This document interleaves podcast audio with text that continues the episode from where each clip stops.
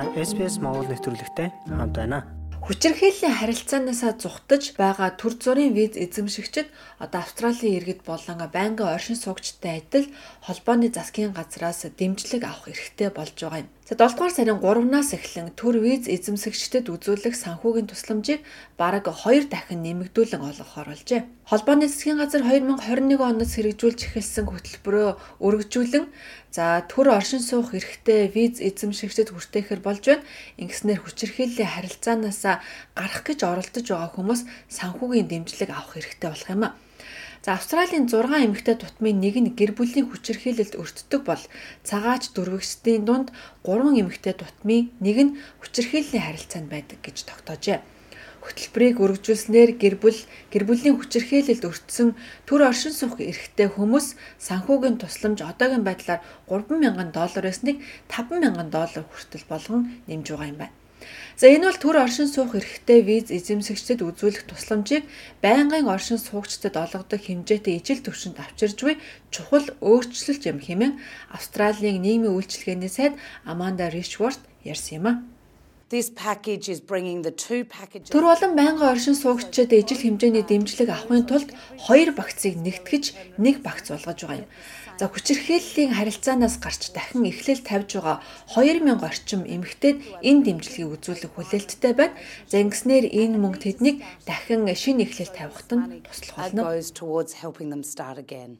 Тухайн хүний визний статусаар хүчирхийллийн харилцаанаас гарахад авах ёстой дэмжлэгийн хэмжээг тогтоох ёсгүй гэж тэрээр нэмж ярьсан юм а. Төр визтэй хүмүүс тусламж авахд хамгийн их саад бэрхшээл болдог. Тэдний хамгийн эмзэг хэсэг бол санхүүгийн байдал түүнийг сайжруулах мэдлэг юм the lack of an extensive family support. Австральд гэр бүлийг дэмжих өргөн хүрээний систем байхгүй. Тэд визний статустаа санаа зовж дээр нь мэдээж хэлний бэрхшээлч бас байгаа.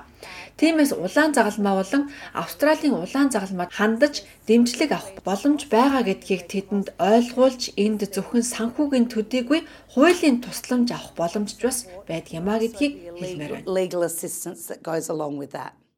Холбооны засгийн газар 2 жилийн хугацаанд 4.4 сая долларыг зарцуулсан. Гэр бүлийн хүчирхийлэлд өртсөн төр виз эзэмшигчдийг дэмжих зорилгоор 2021 оны 4-р сард хэрэгжиж эхэлсэн туршилтын хөтөлбөрийг үргэлжлүүлэхэд 32 сая долларыг мөн нэмж амлаад байгаа юм. За хөтөлбөрийг ингээд 2025 оны 1-р сар хүртэл сунгаж байгаа юм. За энэ туршилтын хөтөлбөрийн гол зорилго бол төр оршин суух визтэй байгаа хүмүүст эд материал болон санхүүгийн дэмжлэг үзүүлэх багцыг нээж байна. За мөн Австральд шилжин суурьшихтан дэмжлэг үзүүлэн гэр бүлийн хуулийн зөвлөгөө авах боломжийг олгох юм а. Австралийн улаан загалмай нийгэмлэгийн Австралийн хөтөлбөрийн захирал Вики Мори хэлэхдээ энэхүү туршилтын хөтөлбөр нь гэр бүлийн хүчирхийллээс гарч байгаа олон мянган эмэгтэйчүүдийг дэмжих болно гэж ярьлаа. За тэрээр хэлэхдээ уг нэмэлт санхүүжилт нь аюулгүй байдлыг хайж байгаа цагаач болон дөрвч эмэгтэйчүүдэд үзүүлэх дэмжлэгийн орон зай нөхөхөд ихээхэн дэмжлэг болно гэлээ. It's particularly challenging for this group because often they don't have access to those broader um, supports. За эдгээр хүмүүс Central Link болон Medicare зэрэг өргөн хүрээний тусламжийг хүртэх боломжгүй байдаг учраас ихээхэн бэрхшээлтэй тулгардаг. Хүчирхээлээс зүхтаж шинэ эхлэл тавих Тэр дундаа санхүүгийн хувьд бие даасан байхад ихэнх үедээ тун хэцүү байдаг. Эхлээд тэд аюулгүй байдлаа хангаж тухайн нөхцөл байдлыг мэдэрч дараа нь цаашдаа яах талаар шийдвэрүүдийг гаргаж эхэлдэг. За ихэнхдээ талаас илүү хувь нь хүүхдийнхээ сайн сайхны төлөө илүү санаа тавих хэрэгтэй байдаг. Хадагтай мэй хэлэхдээ цагаач дөрвөгчд гаралтай олон хүмүүс гэр бүлийн хүчирхийллээс зүхтахтай холбоотой зүйн асуудлаас айдаг. За энэхүү туршилтын хөтөлбөрөөр эрх зүйн дэмжлэг авахт нь туслах юм гэлээ.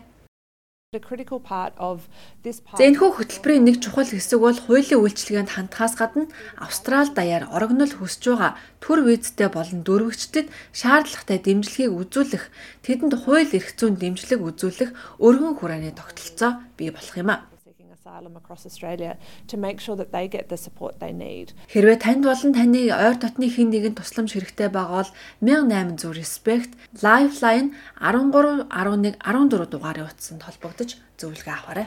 Та SBS Монгол нэвтрүүлэгтэй хамт байна. Бусад сонирхолтой нэвтрүүлгүүдийг SBS.com.cg Mongolian вебсайтаас хүлээн аваарай.